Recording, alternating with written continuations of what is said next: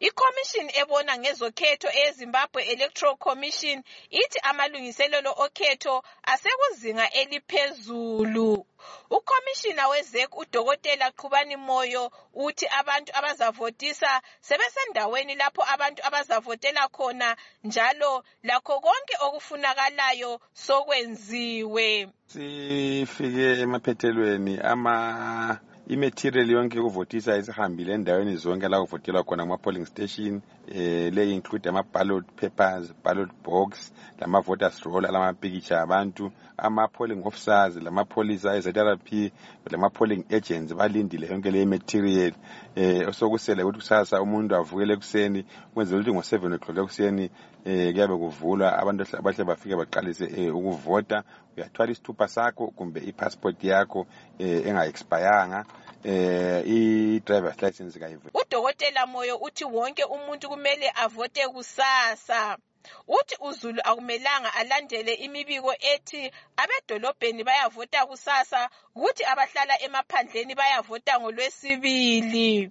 sike sabona imibiko eyinye ebhodayo ku-social media lapha ethi abantu um bemadorobheni bavota kusasa abemakhaya eh, ngetuesday eh lokhu eh sifuna ukuthi sikhulume njengezekhi ukuthi eh ngamanga aluhlaza tshoko i-election yenziwa ngeday eyodwa wonke umuntu emakhaya lemadorobheni kufuze ukuthi ayevota kusasa ekuseni from 7 kusiya ku-7 eh, ntambama isakhamuzi sakobulawayo umnumzana Mandla Chuma yena uthi uselinde ukuyavota njalo ukhangelele ubukhokheli obutsha mina sengimelele ilanga lakusasa kade ngalungiselela so kusasa nje lisithi chatsha ngiyabe ngiphuma ngisiya emganwini secondary ngisiyafaka uxa wami lapha engifuna ukuthi khona ilizwe liyekhona angikhangela ukuthi ukhetho lolube